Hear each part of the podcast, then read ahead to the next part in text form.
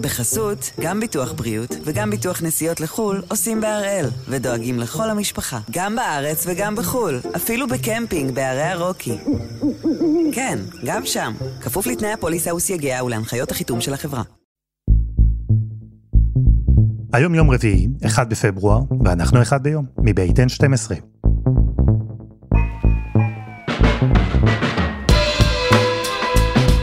אני אלעד שמחיוף, ואנחנו כאן כדי להבין טוב יותר מה קורה סביבנו, סיפור אחד ביום, בכל יום.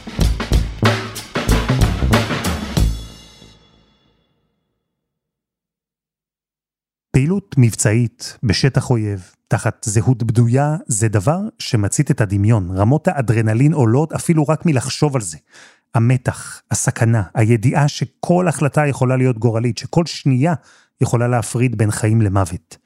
וכשריקי קיבלה את ההצעה לקחת חלק בפעילות כזו, היא חוותה את כל התחושות האלה יחד, את הריגוש שהוא חלק מהעולם הזה. עולם שכשהיא נכנסה מעט יותר פנימה לתוכו, הבינה שיש בו גם המון שטח אפור.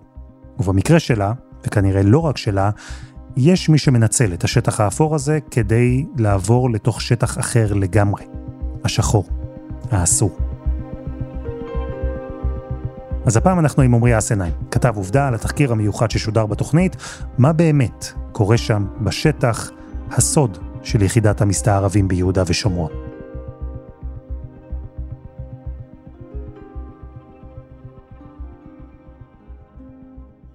שלום עמרי. שלום אלעד. הגילויים שהבאת הם אה, מרעישים, אם יורשה לי. הם מתמקדים ביחידת המסתערבים, יחידה מיוחדת, יחידת עילית.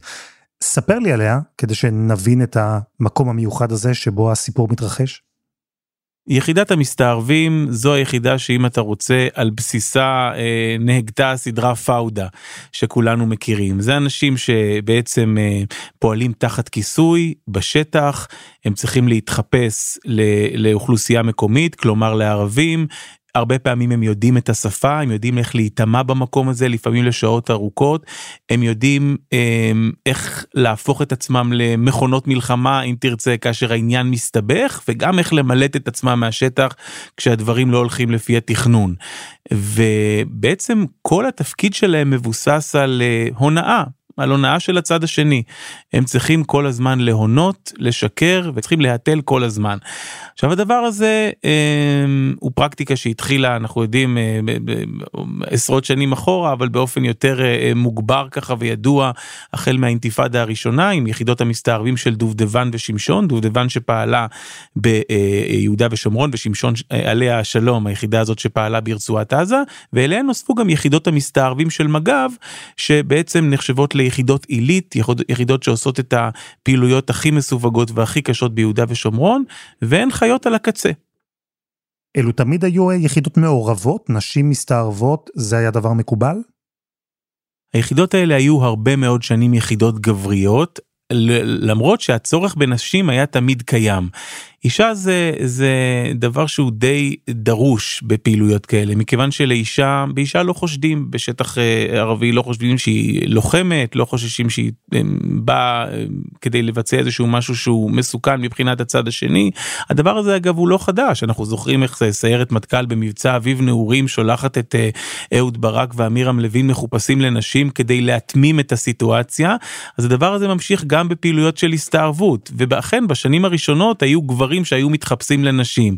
אבל ככל שהשטח הפך להיות יותר חם ויותר חשדן אז הפרקטיקה הזאת לא הייתה מספיקה ולכן אמרו אז בואו נגייס נשים. אני חושב שזה גם קשור לפתיחתם של מקומות אחרים בצבא ובמערכת הביטחון לנשים ואז מתחיל איזשהו פיילוט בתחילת אה, שנות האלפיים ואומרים בואו ננסה לקחת נשים שאנחנו נכשיר אותם למסתערבות אנחנו נעשה את זה במחוז ירושלים כלומר באזור העיר העתיקה מזרח ירושלים אה, שם האזור הוא פחות חם ופחות רותח שם יכולת המילוט של אנשים תהיה יותר אה, הסבירות להחזיר אותם אה, הביתה בשלום תהיה יותר גבוהה במקרה שהעניינים מסתבכים ואנחנו ניקח את, ה, את האנשים האלה ואז באים אנשים של מג"ב לאיזושהי טירונות של לוחמות של, של משמר הגבול והם בוחרים 16 נשים שמתוכן בסופו של דבר לפיילוט הראשוני נבחרות שלוש נשים ששיר פלד זאת שהיא התראיינה בכתבה שלנו הייתה אחת מהן. הבנתי, כלומר יחידת המסתערבים שפועלת ביהודה ושומרון היא נשארה גברית בלבד, בזמן שבירושלים, היחידה שפועלת אה, בעיר העתיקה, במזרח העיר, היא הפכה למעורבת. היו מסתערבות שהתקבלו בהליך מיונים רשמי, בפיילוט, בשלב ההוא. ואיך הפיילוט הזה הלך? הוא עבד טוב? האמת שהוא סובל מקשיים לא לא פשוטים תראה הבנות לא מתקבלות באהבה גדולה אל תוך הסביבה הגברית הן הרבה פעמים מוחרמות אלה דברים שלא נכנסו לכתבה שלנו בגלל קוצר היריעה אבל הן מתארות אה, אה, הבנות האלה שהגיעו אה, בפעם הראשונה ליחידת המסתערבים הן מספרות איך הן למשל היו בחדר בלילה ביום שישי בערב והם לא הבינו שבקומה מתחת מתקיימת ארוחת אה, ליל שבת זאת אומרת יש ארוחה שהן לא נוכחות בה אף אחד לא רוצה לצאת איתם לפעילויות כששמים אותם בקבינה של הרכב אז הגברים לידם מתמרמרים ואומרים איך זה יכול להיות שהאישה הזאת תהיה לפניי והיא תשב בקבינה יש פעמים שלא פורקים אותה מהרכב. ברכב זאת אומרת שהגברים פורקים והן נשארות לבד ברכב יש פעמים ש...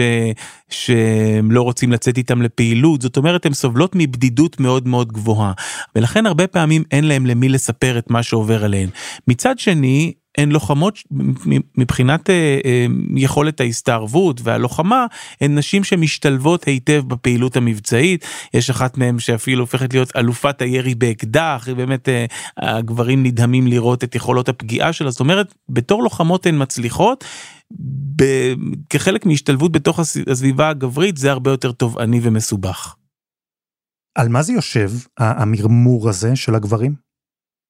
אני חושב שזה נובע מאיך זה שאישה יכולה לעשות את מה שאנחנו עושים ויכול להיות שהיא אפילו מסכנת אותנו כי היא לא תוכל להגיב כמו שאנחנו מגיבים היא לא תוכל להילחם כמו שאנחנו נלחמים. תראה אני עכשיו אני הייתי לוחם ביחידה 669 לאחרונה הוחלט שמכניסים נשים אל תוך היחידה. אתה צריך לראות את קבוצת הוואטסאפ של היחידה שלנו של המילואימניקים ששואלים איך זה יכול להיות שאנחנו נצטרך לתפוס כוננות או לעשות מילואים עם נשים מה יקרה אם ניפול בשבי? אני זוכר זוכר שאני הייתי לוחם ב-669 ובפעם הראשונה הייתה טייסת במסוק. שמענו בקשר קול נשי ולא הבנו מה זה הדבר הזה. אה, טייסת במסוק בתוך, אה, בתוך פעילות שלנו. זוכר שאחד הלוחמים אמר, אה, תגידו מישהו מוציא לה את המסוק חנייה או איך איך, איך היא תצא מהמסוק מהחנייה. זאת אומרת העניין הזה של נשים שמשתלבות בתוך סביבה גברית בפעילות מבצעית הוא עניין שהיה נכון, הוא, הוא, הוא נכון ליחידת המסתערבים שהיא יחידה סופר סופר גברית ואני חושב שהוא נכון גם למקומות אחרים בצבא. אז במחוז ירושלים היו קשיים, אבל מבצעית, צירוף של נשים לכוח המסתערב נשמע לי שהוכיח את עצמו. ובמקביל ביהודה ושומרון במחוז הזה, גם הבינו, אני מניח, שיש צורך בנשים מסתערבות? שם אין אה, גיוס של מסתערבות אה, רשמיות הייתי קורא לזה ולכן שם נוצרת פרקטיקה אחרת. שוב אני אומר הצורך בנשים הוא קיים. לא רק שהוא קיים עכשיו גם רואים שיש נשים במחוז ירושלים ביחידת המסתערבים אז גם אנחנו צריכים את הדבר הזה אבל אין לנו גיוס רשמי. אז מה עושים? שואלים חברים מבררים וכשנולד הצורך אז פשוט אוספים כך מספר לנו סגן מפקד היחידה י' שמתראיין בכתבה שלנו, פשוט לוקחים נשים מכל מיני מקומות. זה יכולה להיות אה, רל"שית, ראש לשכה של מישהו, זה יכולה להיות אה, חובשת במרפאה, זה יכולה להיות עופרת במתפרה, עושים לה קורס אה, מהיר לשערוב, והיא יוצאת לשטח. קרה לך שצירפת ככה פעם נשים? שמונה, תשע פעמים. לבנות שאספתם שם, היה, הייתה הכשרה כמסתערבות? לא. לא, לא. זאת אומרת, אני תופרת במתפרה, ואתה בא אליי ואומר לי מה? שלום, יש איזה, יכול להיות שעכשיו תהיה פעילות באזור, כמובן שזה יהיה רק באזור הארץ, מה שנקרא איום נמוך. לוחם תמיד לידה. ואז אותה תופרת או רל"שית או מישהי אחרת פשוט מצטרפת אליך? מצטרפת, מקבלת תדריך. כדי שתשמע, אתה זרוק אותה למים עמוקים. אבל איך היא אמורה לדעת? היא עבדה במתפרה. כן, שמענו כאן את הדמות הגברית הראשית בסיפור, סגן מפקד היחידה י'. אפשר לומר דמות אה, מוכרת, מוערכת מאוד? כן, הוא מפקד המון המון שנים ביחידת המסתערבים, תמיד בשטח, תמיד מקדימה, אה, קצין מאוד מאוד מוערך ביחידת המסתערבים, מאוד מקצועי. אתה צריך להיות אה, סוג של שחקן, אתה עכשיו נכנס לדמות אחרת. נמצא בשטח שאתה לא רוצה שאף אחד ידע מי אתה. אתה לא רק אה, אה, מהתל באויב, אתה מהתל בעצם בכל מי שמסביבך מהרגע שאתה נכנס לפעילות. זה הנשק אל מול אויב. לשקר. בדיוק, להתל. אז זה בדיוק המקום להציג גם את הדמות הנשית הראשית, ריקי. היא הגיעה ליחידת המסתערבים של יהודה ושומרון באותו אופן שתיארת כאן, נכון? אה, קומבינה כזו, משכו אותה בכלל ממקום אחר. כן, ריקי היא בחורה אה, מגניבה מאוד קודם כל, היא בחורה שיוצאת בשאלה מהפלג הירושלמי החרדי, הייתי אומר במונחים חילוניים חרדי קיצוני. סביבה מאוד מאוד אה, בדלנית, מסוגרת, גיוס לצה"ל זה לא דבר אה, ש, שהם בכלל יכולים לתאר בדמיון הפרוע ביותר שלהם. והיא יוצאת בשאלה, סמוך ל... כשהיא מתקרבת לגיל 18, התחלתי לחיות את החיים החילונים, וכל החבר'ה מסביבי כבר עשו צבא. אז uh, בגיל 18 וחצי הורדתי את הפטור. Um, החלטתי שאם אני כבר עושה את זה, אז אני אעשה את זה הכי בגדול. ואז גיליתי את מג"ב בוויקיפדיה, וראיתי שזה משירות בשטחים ועד שירות בירושלים, ממצעדי גאווה עד משחקי כדורגל, וידעתי שדרך החיל הזה, חוץ מהשירות העצמי שלי, אני גם אוכל להכיר את כל האוכלוסיות. ואז התגייסתי למג"ב, נפלתי בבום. מדובר בבחורה באמת סופר מוכשרת ואחת שיודעת להתחבר בקלות ולכן כשמגיעה צלמת לטירונות שלה צלמת כדי לתעד מטעם דוברות מג"ב היא ככה מתחברת אליה והיא הופכת להיות מתעדת מבצעית במג"ב. מביאים לי רחפן, מצלמת וידאו ומצלמת סטילס, מחשב עריכה, ואני בעצם מסתובבת בין פלוגה לפלוגה לפלוגה ומצלמת את הפעילויות שלהם. שזה סוג של חלום. זה חלום וזה כיף וזה אקשן בלתי נגמר וזה אה, יצירה אינסופית, זה לא משעמם לך לדקה. והיא מתעדת גם הרבה מאוד לוחמים והרבה מאוד לוחמות והיא רוצה להתקרב לאקשן ולכן כשהיא נשלחת לתעד שבוע של יחידת המסתערבים באיזשהו אימון שאמור להתקיים בצאלים אז היא נענית בשמחה. אז אני עומדת בשער של הבסיס ומחכה והרכב הראשון שמגיע זה הרכב שלו. היא מספרת לי את כל קורות חייה. היא יצאה מהבית, והלכה ולמדה תקשורת, ו... והתגייסה למשמר הגבול. זה לא פשוט להתגייס למשמר הגבול, להיות לוחמת, זה לא פשוט בכלל. בתוך נסיבות החיי הקשים, אתה רואה אדם מציג את עצמו חזק. ואז באיזשהו שלב הוא אומר לה שיש uh, כל מיני בנות, ככה הוא אומר, כלומר חיילות שהוא משתמש בהן לפעילויות מסוערבות לפי הצורך. הוא שואל אותה אם זה דבר שיוכל, שיוכל לעניין אותה, איך היא במשחק, והיא כמובן מתלהבת מאוד. איזה רושם הוא עושה עלייך? מדהים, ראשון? מדהים. האדם הכי מתוק בעולם, אדם דתי עם כיפה גדולה. לא היה לי חשש בכלל, אפילו לא לרגע, שמשהו יקרה. קפצתי על זה, ברור. זה אקשן, זה אדרנלין מטורף, תן לי להיות בתוך זה. הדבר הזה מסתיים בכך שריקי חוזרת לבסיס האם שלה וכעבור אה, אה, כמה ימים היא נקראת לשוב לבסיס יחידת המסתערבים אגב בלי קשר אליו כדי לערוך את החומרים המסווגים שהיא צילמה במחשבי היחידה רק שם אפשר לערוך אותם כי הם מסווגים ואז היא יורדת אה, בתחנת האוטובוס אל תוך גשם שוטף היא מתקשרת אל האדם היחיד שהיא מכירה שזה סגן מפקד היחידה י' הוא נענה בשמחה ומגיע לאסוף אותה ואז איך היא אומרת. ואז אה, הוא, הוא מסתכל לאופק, והוא כבדרך אגב, עם יד על ההגה, אומר לי, תגידי, מה, מה את עושה? אה, מה את עושה עכשיו? אני עושה לו, כלום, כאילו לילה, כבר שקיעה. יש לך אזרחי? עלייך. אני אומרת לו, אה, אה, לא, אבל אני יכולה להסתדר? אה, משהו בקטנה, יש לי ספורט, אני יכולה להסתדר משהו. ואז הוא אומר לה, תקשיבי, יש אה, פעילות אה, לתפיסת אה, שב"חים, שוהים בלתי חוקיים, בציר הגנבים, ליד טול כרם, אני צריך מישהי שתוכל להצטרף אל הפעילות הזאת. יצא לי איזה שעה תרגולת פה בחוץ, בציר הגנבים. אני רוצה קצת שתראי אנשים בלילה, קצת, מה שנקרא, לראות אם את אה, יודעת לעמוד באנדרנלין הזה. ואז הוא אומר לי שאני אצטרך להתחזות לבת זוג יהודייה של לוחם, אה, של מישהו ערבי, כמו זוג אה, מתבולל. את צריכה ללכת עם לוחם, האינטראקציה היא של זוג. כשאני אומר זוג, זה יכול להיגמר ביד, זה יכול להיגמר בנשיקה. מי שמוביל את האינטראקציה הזו, זו את. את מגדירה אם תהיה נגיעת יד, אם יהיה חיבוק, אם יהיה נשיקה, את מגדירה. ברגע שיהיה לך לא נוח, הכל בסדר, את אומרת, ואנחנו צריכים את זה, הכל טוב. צריך לומר שכאן יש הבדלי גרסאות אה, מהותיים. היא טוענת שמדובר היה בפעילות מבצעית לכל דבר. זאת אומרת הוא אמר לה זאתי פעילות ואנחנו הולכים עכשיו לתפוס שוהים בלתי חוקיים. הוא אומר, לש... הוא אומר שהוא הבהיר לה מלכתחילה שמדובר בתרגול בלבד. כשהם נכנסים לרכב היא פתאום אומרת לו רגע אתה הפרטנר? אתה הבן אדם שיוצא איתי הערב? אז הוא אומר לה כן יש לך בעיה עם זה? אם אם את לא אם זה לא מתאים לך אז אפשר להחליף אפשר מיד לשנות הכל בסדר. אז היא אומרת לו היא כמובן שמפחדת שההשתתפות שלה בפעילות תיגנז אם היא תסרב אז היא אומרת לו בטח בטח הכל בסדר אני מצטרפת. ואז מתחיל לילה שבהתחלה הוא איזשהו אדרנלין מטורף כתוצאה מהפעילות המבצעית שהולכת להתרגש עליה אה, ושהיא מחכה לה מאוד. אה, מתחיל להיות לה מוזר כשהם לא נוסעים לטול כרם אלא נוסעים רק כמה דקות ועוצרים באיזושהי חורשה היא לא מבינה הרי קו התפר עוד רחוק משם אז למה הם עוצרים שם. ואז הוא אומר לי אני יוצא מהרכב עם שלוש דקות אני לא נכנס את יוצאת אחריי בזהירות בשקט ועובר כמה דקות ואני יוצאת מהרכב. חושך מוחלט, אני לא רואה כלום. והוא נשען על הרכב, ואני באה ואני נשענת לידו.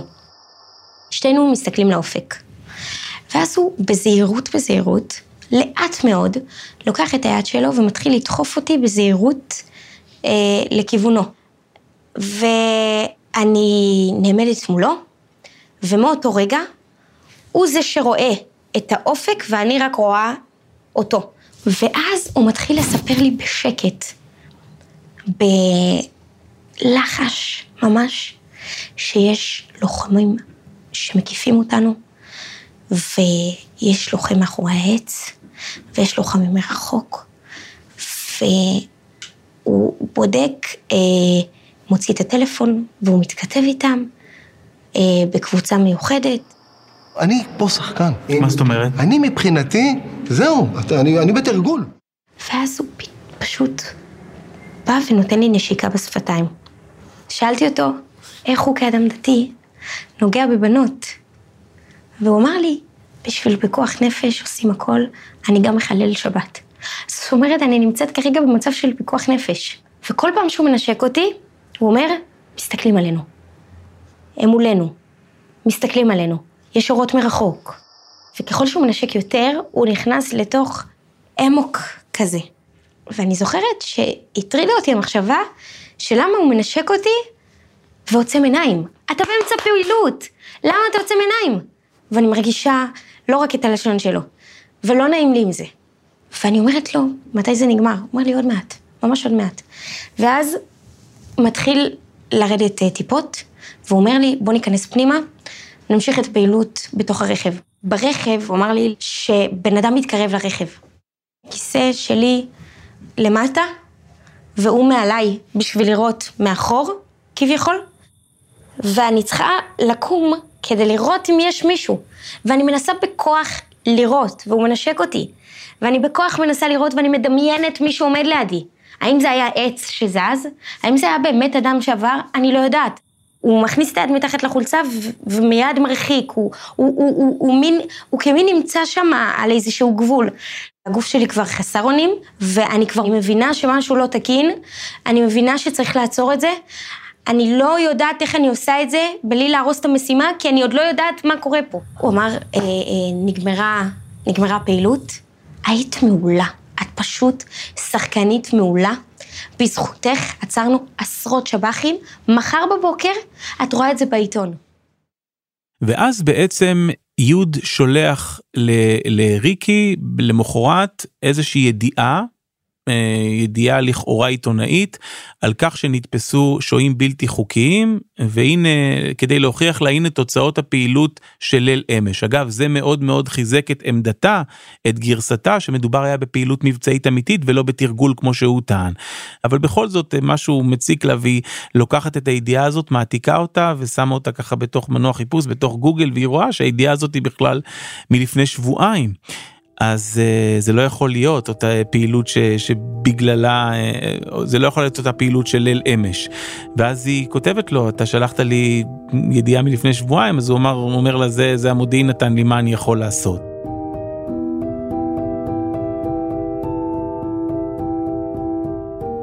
חסות אחת וממש מיד חוזרים.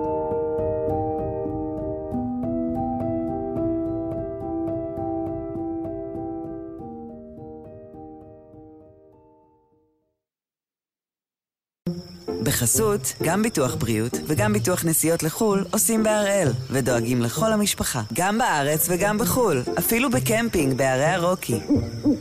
כן, גם שם, כפוף לתנאי הפוליסה וסייגיה ולהנחיות החיתום של החברה. אנחנו עם עמרי אסנהיים, כתב עובדה, ועם התחקיר שלו על מה שקרה ביחידת המסתערבים שפעלה ביהודה ושומרון. עמרי, סגן המפקד של היחידה י', הוא נידב את ריקי, בכלל מתעדת צבאית במג"ב, הוא נידב אותה למה שהוא הגדיר פעילות מבצעית, או הכנה לפעילות מבצעית, ממש כמסתערבת. במהלך הפעילות הזו הוא נשק אותה, הוא נגע בה, והכל לכאורה במסגרת התפקיד כדי לשמור על הכיסוי שלהם. וכשנגמרה הפעילות, ריקי סיפרה לך שהיא הרגישה שמשהו חשוד, היא חשבה שאולי יוד פשוט אה, נסחף עם התפקיד. היא מבחינתה הייתה משוכנעת שהיא באמת לקחה חלק בפעילות מבצעית. נכון. ואז אה, יכול להיות שהדבר הזה היה נגמר בלי שאיש יודע עליו, אבל כעבור מספר ימים, יוד, סגן מפקד היחידה, מודיע לריקי שיש פעילות אה, נוספת, הפעם ביפו, והוא שואל אותה אם היא תרצה להצטרף. והיא כאן עומדת באיזושהי דילמה.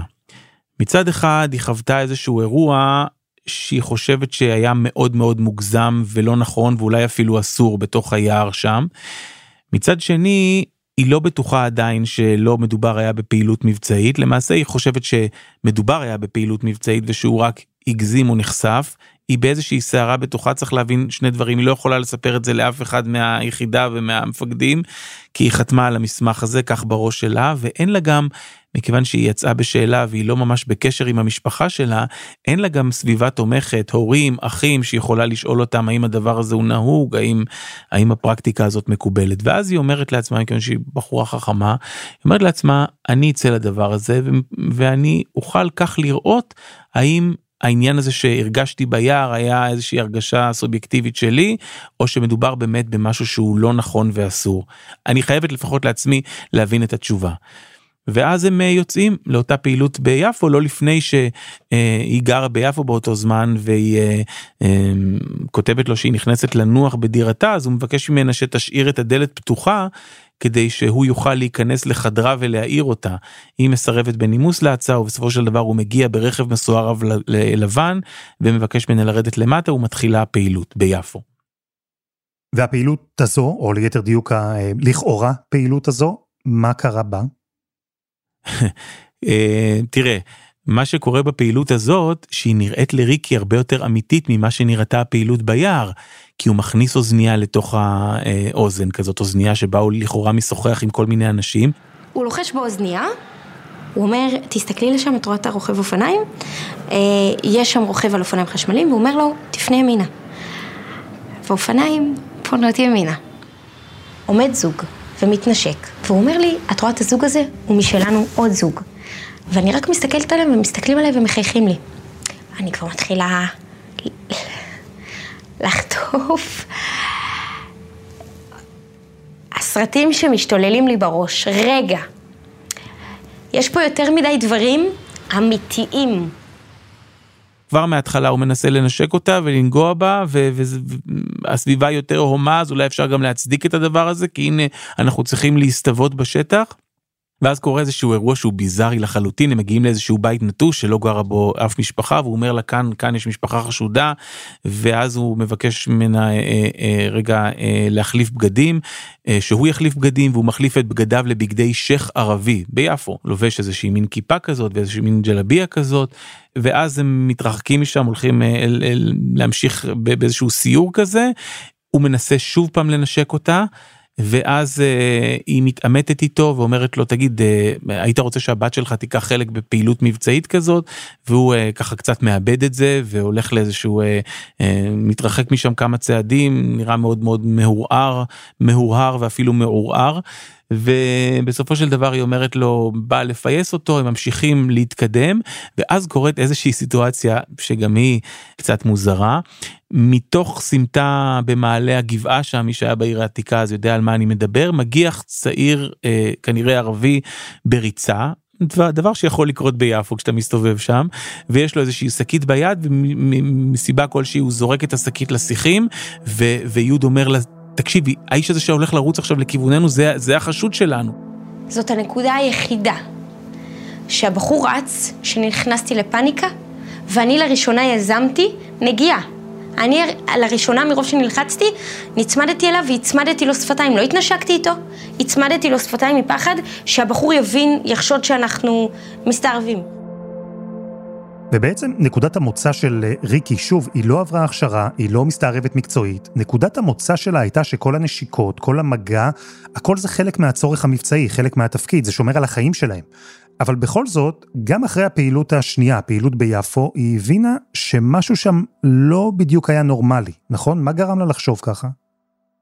היא מבינה כי זה כבר הפעם השנייה. זו כבר הפעם השנייה וההתנהגות הזאת הייתה מאוד מאוד מוזרה, ואז היא אומרת אני אנסה לברר בכל זאת, למרות ביטחון המידע, למרות הסיווג, אני אשאל חברה.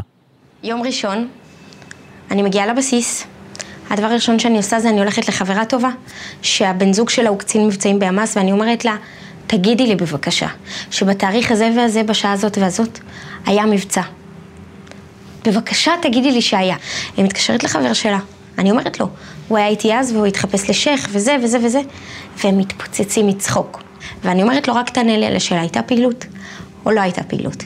הוא אומר לי, לא הייתה פעילות. ואני זוכרת באותו רגע ששמעתי איתה, לא הייתה פעילות, שחור. שחור. כעס עצמי מטורף, איך נפלתי לעזאזל. בחרא הזה, אני שונאת את עצמי באותו רגע, ממש שונאת. לא מאמינה. כי מה, למה את מלכה את עצמך? כי יצאתי מטומטמת. לאללה. מה, אני רצינית? ואז בעצם היא מחליטה אה, לפנות למח"ש, ומשם התהליך הוא מאוד מאוד מהיר. אה, חקירה, גם שלו וגם שלה, משפט פלילי, ובסופו של דבר הרשעה, שזה דבר שהוא אה, די מטורף, הייתי אומר גם די נדיר בנסיבות האלה. ובשלב הזה אני אכניס אותך לסיפור, כי בעיניי דבר מדהים כאן הוא שאתה מספר לי עכשיו את מה שקרה, לי ברור מי התוקף, מי הקורבן, מי המניפולטור, מי זו שעברה מניפולציה, אבל הסיפור הזה בכלל הגיע אליך מיוד, הוא זה שיזם, הוא זה שהתראיין, הוא זה שהציג בפניך בפעם הראשונה את כל מה שתיארת כאן. נכון, אנחנו uh, מקבלים בעצם את הפנייה uh, של יוד בין הערכאה הראשונה שמרשיעה אותו וגוזרת עליו 16 חודשי מאסר לבין ערכאת הערעור שבה לבסוף העונש שלו יופחת בארבעה חודשים ויהיה שנה בכלא. והוא בעצם פונה אלינו כי הרציונל שלו עד כמה שזה נשמע מוזר עכשיו זה לומר תקשיבו. אני הייתי אז בתוך בועה אני חייתי בתוך עולם שאתם אף פעם לא תבינו את כלליו. זה עולם עם כללים אפורים, זה עולם שבו הולכים על הקצה, זה עולם שצריך, אתה יודע, ללכת על הגבולות האפורים כדי להצליח בפעילות המבצעית. אני אז לא ידעתי שמה שאני עושה לא בסדר, אבל אתם צריכים לחקור את מה שקורה ביחידה. זה שאזרח מבחוץ קורא לזה זעזועי, אני, אני, לא, אני לא יכול להתעלם מזה. אני לא יכול להתעלם מזה, אבל אני צריך שפה בשלב הזה המערכת כן, המערכת תחקור את המפקדים, שכך זה קורה. תחקרו את ההתנהלות ביחידה. כי זו הייתה תרבות קלוקלת ש, ש, שהייתה חלק, אה, חלק מההיסטוריה של היחידה ומהמסורת של היחידה וזה קרה כבר שנים בתוך היחידה הזאת, זה קרה וקורה, ואני פשוט אה, נתפסתי. בכל מקרה, אני לא עשב שוטה. הדבר הזה היה תרבות, מסורת בתוך היחידה, תלכו ותבדקו. כלומר, אין חרטה, אין בחינה עצמית מבחינתו, להפך, הוא אומר, זה הנוהג, ככה זה ביחידה, זה מה שעשו גם אחרים. ממש אין חרטה, הוא אומר, תקשיב, אני לא רק שאין חרטה, אני שירתתי את המדינה. אני רציתי לתפוס שוהים בלתי חוקיים. לצורך הדבר הזה אני צריך אישה. האישה הזאת חשבתי שהיא יכולה להיות מצוינת. יכול להיות שדברים השתבשו, אפילו בחקירה הוא אומר יכול להיות שנסחפנו, אבל הדבר הזה לא היה דבר פסול. בתוך תוכך כבר הצלחת להשלים עם צירוף המילים הזה, השם שלך, סגן מפקד אה, ימ"ס אה, איו"ש, עבריין מין? בחיים לא. אני לא אשלים איתו בחיים. אני ישן טוב, אתה יודע למה? כי אני יודע שאני לא כזה. אבל להשלים עם זה, אני לא אשלים בחיים. אתם לוקחים אותי להיות עבריין מין, איך הוא אומר, זה כמו נהג מרוצים בפורמולה 1 שלוקחים אותו על עבירות מהירות. אני חי בתוך חוקים שאתם לא מכירים, בתוך סביבה שאתם לא מכירים, ואתם צריכים אה, אה, להבין את זה. אני נשלחתי בשמכם לעשות את הפעילות המבצעית הזאת. ובאמת, עמרי, יש אינדיקציה שהפרקטיקה הזו של אה, לזייף פעולות מבצעיות ובמהלכן לתקוף מינית, יש אינדיקציה שזה קרה בעוד מקרים עם עוד אנשים ביחידה? קודם כל, אחרי שאנחנו משדרים את הכתבה, אנחנו מקבלים פניות מעוד בנות שעברו דברים דומים ביחידה. מטבע הדברים, מכיוון שהדברים עדיין בבדיקה, אני לא יכול להרחיב עליהם, אבל מה שזה נתן לנו להבין מהר מאוד, אלעד, זה שהדבר הזה הוא לא הסיפור הפרטי של ריקי. הדבר הזה קרה ביחידה, קרה לאורך שנים, ויש בנות, וזה אני יכול להגיד כבר בשלב הזה, שסבלו וסובלות סבל עמוק לאורך שנים מתוך מה שקרה להם, מתוך החוויות שהם עברו, והן נושאות את הכאב הזה עד היום. אז מה אפשר ללמוד מכל זה, מהסיפור המזעזע הזה? מה הוא יכול ללמד אותנו? מה שאפשר ללמוד מזה זה מה שאני לומד הרבה פעמים על מקומות כאלה שהולכים על הקצה, מקומות כאלה ש, ש, שנעים על הגבול האפור של, ה, של הפעילות. תראה, המקומות האלה הם יכולים להיות קרקע פוריה למעשים כאלה.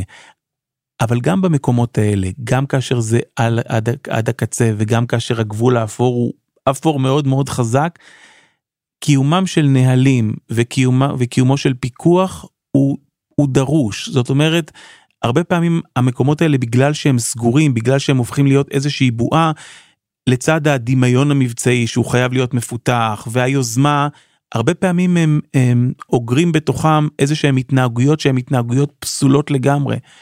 שאנחנו לא מכירים אותם, שבחוץ נראות לנו כמו מעשים מגונים, כמו מעשים מגונים בשטח הפלילי.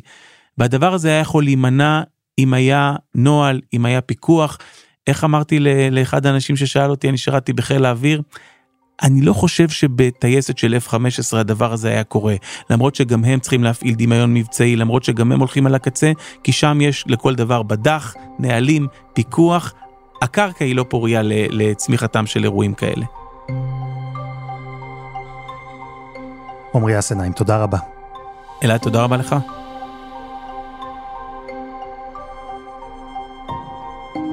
וזה היה אחד ביום של N12, אנחנו גם בפייסבוק, חפשו אחד ביום, הפודקאסט היומי. העורך שלנו הוא רום אטיק, תחקיר והפקה דני נודלמן, עדי חצרוני ורוני ארניב, על הסאונד יאיר בשן שגם יצר את מוזיקת הפתיחה שלנו, ואני אלעד שמחיוף, גדעון אוקו, יהיה כאן מחר.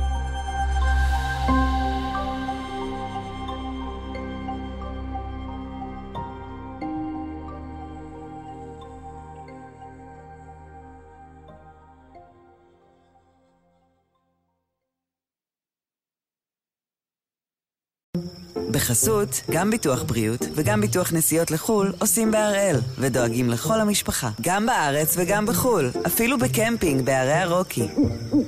כן, גם שם, כפוף לתנאי הפוליסה וסייגיה ולהנחיות החיתום של החברה.